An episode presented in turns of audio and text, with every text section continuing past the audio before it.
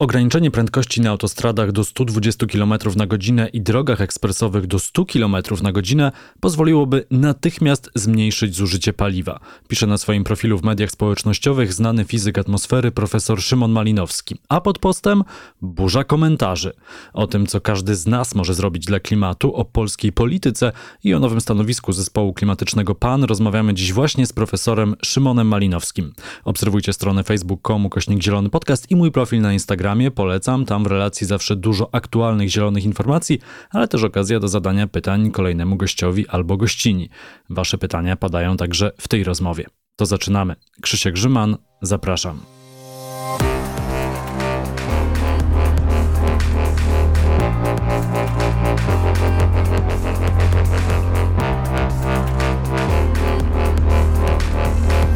Gościem Zielonego Podcastu jest profesor Szymon Malinowski, fizyk atmosfery z Instytutu Geofizyki Uniwersytetu Warszawskiego, współtwórca portalu Nauka o Klimacie oraz przewodniczący zespołu doradczego do spraw kryzysu klimatycznego Polskiej Akademii Nauk. Witam. Dzień dobry.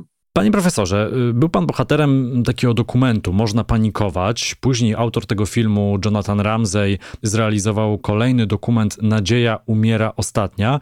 No i właśnie o tę nadzieję y, chciałem zapytać. Tak się zastanawiam i słuchacze też, bo pytałem ich przed nagraniem tego podcastu.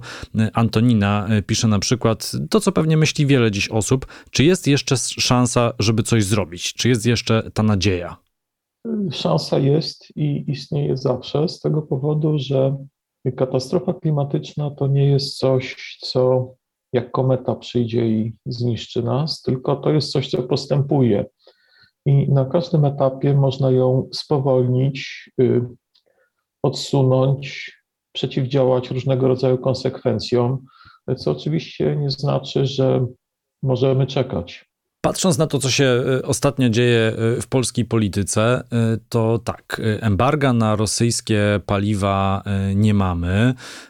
Mamy inne działania rządów polskich, rządów europejskich, no ale w tym tygodniu mieliśmy konferencję premiera dotyczącą zmian w podatkach. No bo podatki każdy odczuwa, płacimy je co miesiąc, część się orientuje dopiero przy rocznych zeznaniach i tutaj zmiany dało się wprowadzić szybko. Polski Ład, jak widać, nie wypalił, Polakom się nie spodobał, nie przypadł do gustu i go zmieniono. A czemu w kwestii klimatu nic się nie robi cały czas? No my zawsze reagujemy y, na rzeczy, których skutki czujemy natychmiast, prawda? Natomiast, y, tak jak mówiłem, ta zmiana klimatu to jest coś, co się dzieje powoli. Zdarzają się pojedyncze zdarzenia z tym związane, które nie dotykają nas wszystkich na raz i y, nie mamy tego takiego impulsu, który wykształciliśmy w sobie, że, że trzeba już szybko odpowiedzieć, bo coś się będzie y, działo strasznego.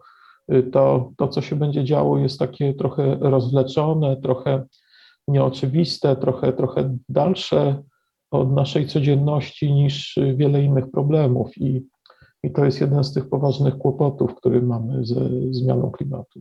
Ale z drugiej strony, czy z innej strony, mamy przecież wojnę e, w Ukrainie, koszmarną napaść e, rosyjską, i wiemy, że to jest dobry moment na to, żeby przyspieszyć transformację energetyczną. Szczególnie w Polsce, gdzie ta transformacja idzie bardzo powoli, można by odblokować ustawę wiatrakową, tak żeby można było łatwiej stawiać wiatraki na lądzie. Można by jednak przywrócić zachęty do instalowania paneli fotowoltaicznych. Można by zrobić dużo różnych rzeczy i jakoś te kroki się nie dzieją. Co, co, co się dzieje? Co my obserwujemy? To znaczy, jest, jest parę, parę różnych problemów, prawda? Rzeczywiście z tymi wiatrakami na lądzie to ja tego po prostu kompletnie nie rozumiem. Ani wprowadzenia tej, tej głupiej zasady, y, ani właśnie, mimo że obiecywane jest od dawna odstąpienie od niej, te zasady, y, że można wybudować y, elektrownię wiatrową w momencie, kiedy odległość od najbliższych budynków jest 10 razy jej wysokość co w Polsce przy polskich y, realiach praktycznie powstrzymuje możliwość jakiejkolwiek budowy. Y, tego, tego nie rozumiem, tego, tego działania. Natomiast jeśli idzie o fotowoltaikę, to już troszeczkę bardziej rozumiem, z tego powodu, że to jest jeszcze bardziej zmienne źródło energii niż, niż wiatr i są pewne warunki techniczne, y, które są związane z siecią energetyczną, z różnego rodzaju uwarunkowaniami y, innymi niż y, właśnie takie, y, takie łatwe do przeskoczenia, które, których wcale nie, nie, nie można szybko usunąć. W związku z tym to nie jest dokładnie to samo, brak działania w sprawie wiatru na lądzie i niekoniecznie wszystkie działania, które lubimy w sprawie fotowoltaiki. Natomiast kompletnie nie rozumiem także kompletnego braku działań, czy, czy bardzo ograniczonych działań w zasadzie w kierunku efektywności energetycznej. To jest także coś, czego, czego nie robimy, o czym mało mówimy, co robimy źle i y, to jakby znika kompletnie z naszego horyzontu. Y, jak napisałem, że może natychmiast warto by ograniczyć na przykład prędkości na autostradach i na drogach szybkiego ruchu, co spowodowałoby nie bardzo duży, ale widoczny spadek zużycia paliwa, no to y, rozpętała się burza, że no jak to, no mamy takie autostrady, które pozwalają tak szybko jeździć, nie po to je budowaliśmy i tak dalej, i tak dalej. To, to jest dobry wątek. Y, mnie też zainteresował y, ten wpis y, pana profesora w mediach społecznościowych. No to może po prostu pokazuje nasze jednak już wygodne zachodnie myślenie. To znaczy z kryzysem klimatycznym trzeba coś zrobić. To każdy się pod tym podpisze. To nie jest kwestia 3,5% społeczeństwa potrzebnych do zmiany. To większość polskiego społeczeństwa powie, no tak, z kryzysem coś trzeba zrobić. No ale gdyby to mnie osobiście kosztowało, to już nie. No chyba, że są to rachunki za prąd, bo tutaj wszyscy płacimy coraz więcej. Jest to związane właśnie z brakiem polityki polityki klimatycznej. Ale takie osobiste wyrzeczenia, to, to, to jak widać dla nas jeszcze za dużo. No to nie jest tylko zachodnie myślenie, bo yy, przepraszam bardzo, szybko jeździliśmy, jak jeszcze nie byliśmy na zachodzie, szybciej niż, niż, niż się powinno w takich warunkach, jakie, yy, jakie, jakie wtedy istniały, yy, co kosztowało zresztą strasznie dużo y, tragedii na drogach, y, czego też nie braliśmy pod uwagę. To akurat y, ten Ostatni kawałek też nie jest bardzo zachodnim myśleniem, bo na zachodzie się dużo bardziej dba o to bezpieczeństwo, ale to jest takie właśnie myślenie krótkoterminowe i bez, y, że tak powiem, powiązania widzenia związków przyczynowo-skutkowych. I y, po prostu y, są tak zwane niewygodne prawdy, prawda? To znaczy film Alagora, można go krytykować, tytuł miał dobry, Niektóre prawdy są dla nas bardzo, bardzo niewygodne i staralibyśmy się je obejść tak jak, tak jak możemy. Więc no, nie, ma, y, nie ma rzeczywistego embarga na, na surowce z Rosji i to nie tylko w Polsce, ale także w Europie i na świecie.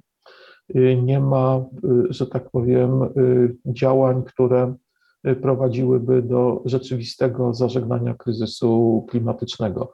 No jest wręcz przeciwnie, tak jak był początek COVID-u, to mówiliśmy, że no może to jest początek i wychodząc z COVID-u my się będziemy zmieniać w kierunku lepszej przyszłości. No natomiast y, efekt y, był taki wręcz przeciwny. W ubiegłym roku był y, wzrost emisji rekordowy w historii ludzkości i oczywiście emisje osiągnęły znowu rekordowy poziom po chwilowym po chwilowym za, załamaniu, kolejny rekord. I to tak mniej więcej wygląda. Y, mamy jakiś obraz normalności i trzymamy się go za wszelką cenę, mimo że on niekoniecznie musi być najlepszy. W najnowszym komunikacie zespołu doradczego do spraw kryzysu klimatycznego Polskiej Akademii y, Nauk y, pojawia się taki cytat. Pojawia się często y, pytanie w mediach i wypowiedziach prominentnych polityków, czy unijną politykę dekarbonizacyjną trzeba napisać od nowa. No właśnie, jak będzie wyglądała teraz dekarbonizacja Europy, już mając świadomość tego, w co gra Rosja? Ominiemy gaz, o tym mówią wszyscy, czyli Polska Polska nie wpadnie w tak zwaną pułapkę gazową, nie zastąpimy węgla gazem. No ale właśnie, czy my nie wpadniemy y, w pułapkę węglową w Polsce na te najbliższe lata, kilkanaście lat, oby nie dekady? To znaczy, no, mamy bardzo małe pole manewru, prawda? Bo, bo pewnych rzeczy, tak jak powiedziałem, jak z tą fotowoltaiką, nie da się y, przeprowadzić z dnia na dzień. Do, do pewnych rzeczy nie mamy po prostu sił, środków, nie ma możliwości technicznych i innych, ale no, są, są siły i środki na na, na zupełnie inne działania. No właśnie ta y, energetyka wiatrowa na lądzie, y, kwestia efektywności energetycznej, no kwestia rozważenia, na ile można przyspieszyć budowę energetyki jądrowej, bo to przecież wcale nie jest tak, że ona musi trwać tak długo, jak zakładamy. To są wszystko rzeczy, które powinniśmy y, bardzo silnie w tej chwili dyskutować i próbować rozwijać. Y, natomiast no, my na ten temat nie mówimy, raczej właśnie tak jak Pan zauważył, próbujemy zmienić kierunki importu i na przykład zamiast imperializmu rosyjskiego za, zasilać wątpliwe reżimy na Bliskim Wschodzie i, i w innych krajach, prawda? To efekt jest dokładnie ten sam. No i tak to się, i tak to się toczy, więc nie wiem, czy nie wpadniemy w pułapkę gazową, nie wiem, czy y, nie będziemy przeciągać ponad miarę, bo tak jak mówię, nie możemy natychmiast odejść od węgla, tego, tego, tego użycia węgla. Nie prowadzimy rzeczywiście działań, które które dawałyby nam lepszą szansę na przyszłość. Trochę, trochę, trochę jest dziwnie z tego powodu, że podejmujemy bardzo dużo różnego rodzaju inwestycji, do których będzie potrzebna energia i różnego rodzaju energia. Nie patrzymy na, na bioróżnorodność, prawda? Tniemy lasy czy, czy drzewa w miastach i tak dalej, bo mogą spaść na nasz samochód, a lasy to przecież zielona energia i można ją spalić zamiast spalania węgla. Tak to się i tak to się wszystko, wszystko kręci. No mówiąc krótko, mamy takie priorytety bardzo krótkookresowe i takie właśnie żeby zamieść coś pod dywan, a nie żeby coś załatwić porządnie. A nie przybija to pana, panie profesorze, t- tak osobiście? Bo to jest już pewnie jakiś 125 odcinek Zielonego Podcastu. Rozmawiałem z mnóstwem ekspertów na te tematy. W zasadzie diagnoza jest znana. Wszyscy wiedzą, co mają robić. Myślę, że y, wszyscy aktywiści y, mają tam y, swoje pomysły, swoje wizje. Eksperci mówią nam, co mamy robić. Można się spierać co do niektórych rozwiązań, to na pewno, no ale jednak politycy w Polsce nic nie robią. I nie mówię tylko o ostatnich siedmiu latach, ale też wcześniej e, robili nie tak dużo. No, no, i co teraz? Ktoś słucha tej rozmowy no i sobie myśli, kwestia, co teraz? Tak. To nie jest kwestia tylko polityków, to jest kwestia nas, prawda? Tak jak nas, nam się nie chce zdjąć tego, tej nogi z gazu, czy, czy odkleić od siedzenia samochodu, od y, siedziska w samochodzie swojego, za przeproszeniem miejsca, na którym, którym plecy kończą, swoje, to, y, tak, kończą swoją szlachetną nazwę, no tak samo, y, że tak powiem, politycy to jesteśmy my. Bo ich wybieramy. To jesteśmy my, bo ich wybieramy, bo, bo oni nas reprezentują, bo oni są wśród nas i chcą naszego poparcia. No i my popieramy te rozwiązania de facto. Więc, y, więc no pytanie, pytanie jest takie, jak spowodować, że tak powiem, ten przewrót społeczny czy zmianę społeczną, ja nie chciałbym tutaj tego nazywać na przykład odejściem od kapitalizmu, bo niektórym się wydaje, że, że po prostu rozwiązaniem jest jakaś cudowna zmiana systemu na system, którego nie ma, nie istnieje, nie wiadomo jaki mógłby być. Ja, ja, ja tego nie wiem, ja wiem tylko, że są dwa rozwiązania.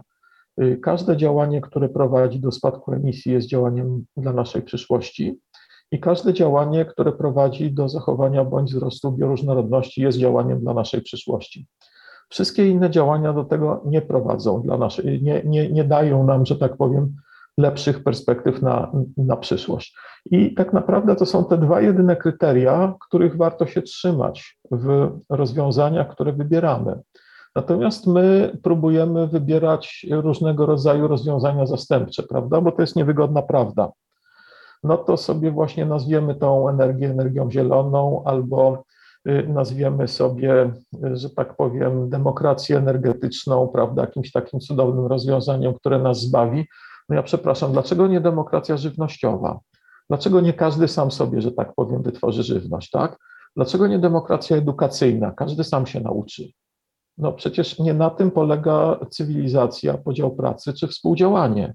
Mamy dbać o to, żeby, żeby, żeby, żeby nie zapominać o ludziach, Oczywiście mamy dbać o to, żeby y, no, w jakiś y, zrównoważony sposób y, pomagać tym, którzy sobie nie radzą w danej sytuacji.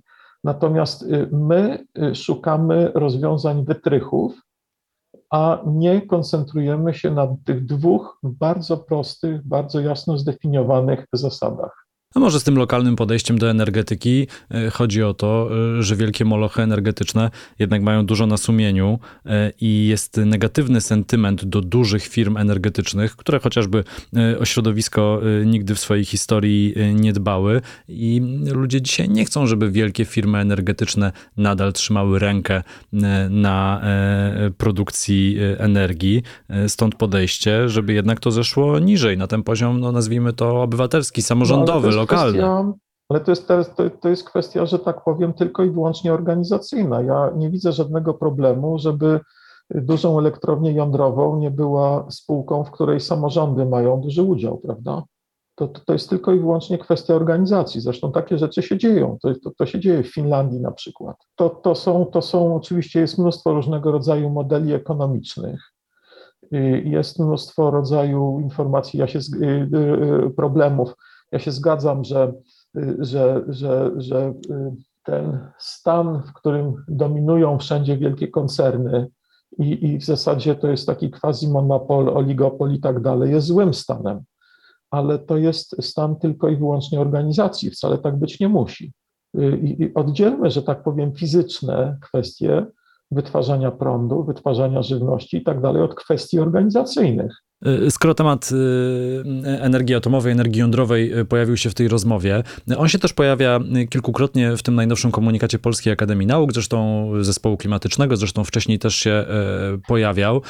I wydaje mi się, że szczególnie dla prawicowych publicystów w Polsce, chociaż liberalnych też, ten atom staje się swego rodzaju wytrychem do wszystkich problemów klimatycznych naszego kraju, do całej dekarbonizacji, że w końcu zapadnie decyzja, że budujemy elektrownię atomową i jakby jakiś magiczny sposób wszystkie problemy miały się rozwiązać, podczas gdy e, ta energia z atomu będzie tylko jakąś małą bazą e, naszej przyszłe, naszego przyszłego miksu energetycznego, prawda?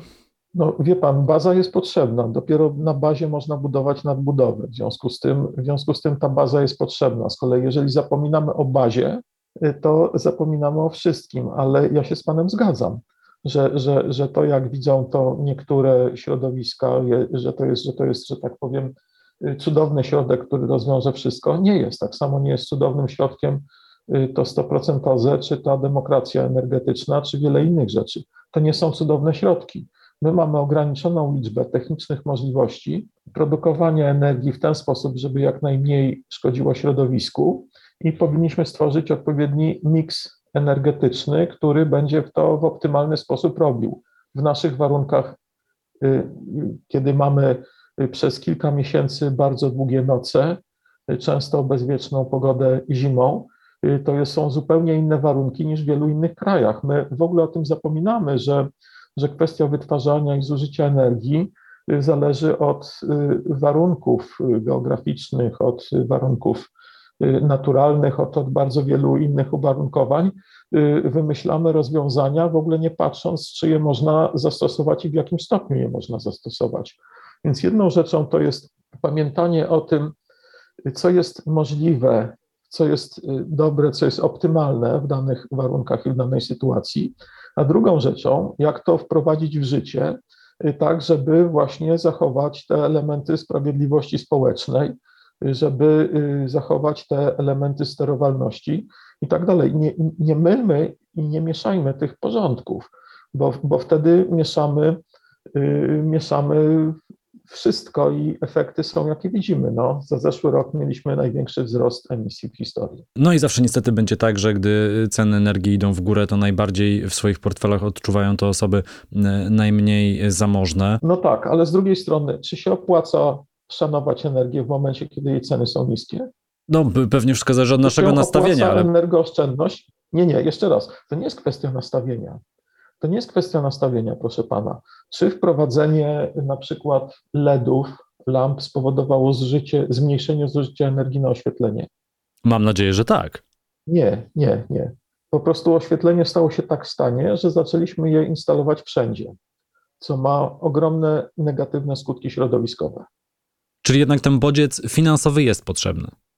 Bodziec finansowy jest potrzebny. Potrzebny jest podatek węglowy i podatek środowiskowy, y, który wycenia rzeczywiste koszty środowiskowe które dana działalność po prostu przynosi. To są koszty, które przerzucane są na nasze dzieci, nasze wnuki, na naszą przyszłość.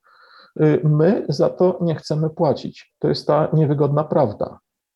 Oczywiście to nie jest tak, że, że wprowadzenie tych, tych, tych, tych rozwiązań musi nas zrujnować, zubożyć i doprowadzić do stanu jakiejś takiej, takiej XIX-wiecznej, nie wiem, gospodarki. My mamy wszystkie narzędzia y, społeczno-ekonomiczne i, i żeby, temu, żeby temu zaradzić, żeby, żeby dobrze żyć w tych wszystkich warunkach, tylko my sobie tego po prostu nie potrafimy poukładać i szukamy właśnie takich cudownych narzędzi wytrychów. Ach, wybudujemy elektrownie jądrowe, wszystko się poprawi. Ach, wybudujemy 100% OZE, cudownie będzie, wspaniale, a jeszcze będzie demokracja energetyczna. To są, to są te nasze wytrychy, które próbujemy zastosować nie patrząc, jakie to ze sobą niesie koszty. Tylko ja odnoszę wrażenie, że to są w zasadzie wytrychy tylko i wyłącznie w publicystyce, bo gdy spojrzymy na prawdziwe działania, to ani ta elektrownia atomowa nie powstaje, ani to OZE się jakoś bardzo szybko nie rozwija. Jakoś w Polsce cały czas to jest y, cały czas y, tylko i wyłącznie y, na papierze. Ale mam kilka pytań od słuchaczy, bo wizyta pana profesora no, została bardzo entuzjastycznie przyjęta. Zresztą Jonathan Ramsey, autor dokumentu, zresztą był tutaj kiedyś w podcaście, też to udostępnił u siebie na Facebooku, więc trochę tych pytań się e, zebrało. E, pozwolę sobie kilka przeczytać. No Jakub pytał, jaki model ekonomiczny mógłby pomóc ograniczyć emisję dwutlenku węgla odpowiednio szybko, ale wydaje mi się, że, pytanie, że odpowiedź na to pytanie już padła, ale pojawia... Tak, ja może, ja może dodam jeszcze. Jest, jest, że tak powiem, zarys tego modelu w takim opracowaniu przygotowanym na Y, zlecenie rządu brytyjskiego przez ekonomistów z Oxfordu, które mniej więcej rok temu się pojawiło, nazywa się y, raport Dasgupty, The Dasgupta Review. I tam po prostu dokładnie pokazują, że fakt, że nie płacimy za usługi środowiska, to jest ta podstawa, która y, w zasadzie uniemożliwia nam wyjście z impasu. To inne pytanie. Y, wydaje mi się, że ciekawe y, dla y, osób zaangażowanych w kwestie klimatyczne, które jednak się dzielą na tych, którzy mówią, wszyscy musimy działać, małe kroki też się liczą, i na tych, którzy mówią, to jednak jest bardziej rola biznesu i rządów, żeby coś robić. Wiemy już, jakie podejście ma pan profesor, ale pytanie brzmi, jak przekonać ludzi oraz samorządy do małych, dużych zmian? Groźbą czy prośbą? To znaczy, wszystkie skuteczne metody są dobre. O, tak bym to, tak bym to określił. W niektórych sytuacjach po, po, potrzebna jest y, regulacja prawna, nawet y, z pewnymi y, konsekwencjami. No, w innych sytuacjach wystarczy zachęta ekonomiczna, jeszcze w innych sytuacjach no, po prostu kwestia wytłumaczenia i zrozumienia różnego rodzaju, różnego rodzaju zależności. Tego, tego znowu nie ma jednego cudownego rozwiązania i po prostu musimy y, stosować wszystko. Nie, nie jesteśmy, y, nie jesteśmy na, na, na, na pustyni i y, nie ma jednej cudownej różdżki stoliczku na krysie, która po prostu w dramatyczny sposób zmieni, zmieni sytuację. Więc, więc, więc każdy, każdy krok się liczy, tak jak każdy kilogram emisji, każde nasze dodanie gazu, prawda, niepotrzebne, każdy niepotrzebnie spalony litr paliwa czy kilogram węgla, y, czy zbyt wysoka temperatura w mieszkaniu zimą, a zbyt niska latem, jeśli mamy klimatyzację, no to każdy ten element się, się dokłada.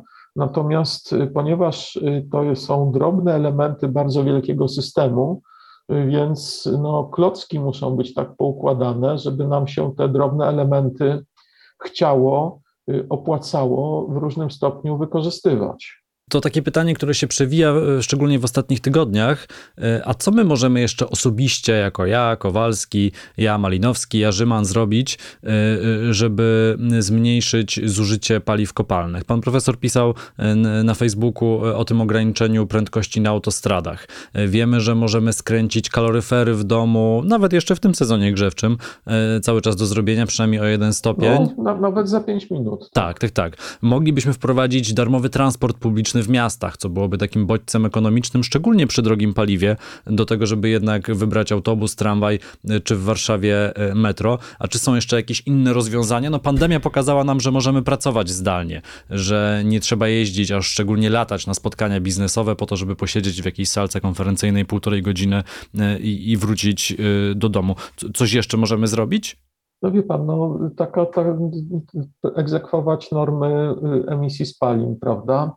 Czy wprowadzić ostre reżimy emisji, emisji spalin, choćby w samochodach, czy, czy w różnego rodzaju urządzeniach, które, które, które, tą, które tą emisję prowadzą, ale no, moim zdaniem taką najprostszą rzeczą to są właśnie te bodźce ekonomiczne, to znaczy kwestia właściwego wyceny, wyceny środowiskowej i, i ewentualnej redystrybucji obciążeń z tym związanych, prawda? Jeżeli już się pobiera te, te podatki ekologiczne i to one wcale nie muszą być y, podatkami, które per saldo, że tak powiem, y, zwiększą ilość pieniędzy w państwie, choć oczywiście gdyby część tych pieniędzy była y, zużyta na, na, na inwestycje prośrodowiskowe, to byłoby super, ale to może być tylko element re, redystrybucji pieniędzy, bo, bo, bo może być wpłacona na przykład tak zwana dywidenda węglowa, że wszyscy dostają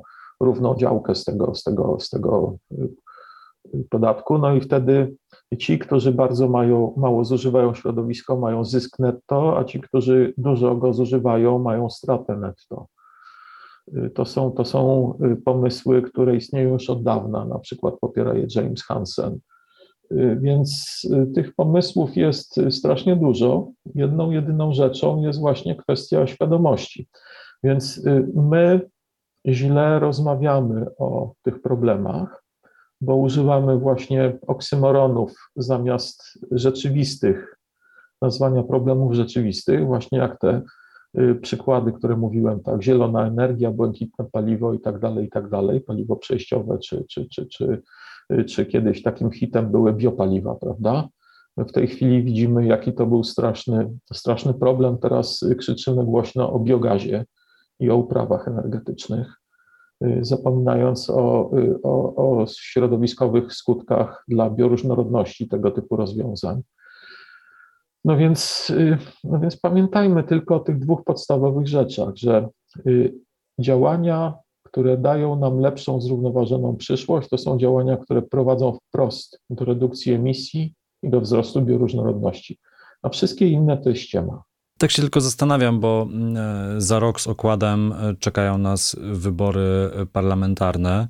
E, I czy partia, która poszłaby do wyborów właśnie z takim programem, no już nawet mówię w wersji lightowej, w stosunku do tego, co mówił pan profesor, czy ona mogłaby w ogóle liczyć na poparcie? Czy ludzie sami zagłosowaliby za takimi zmianami?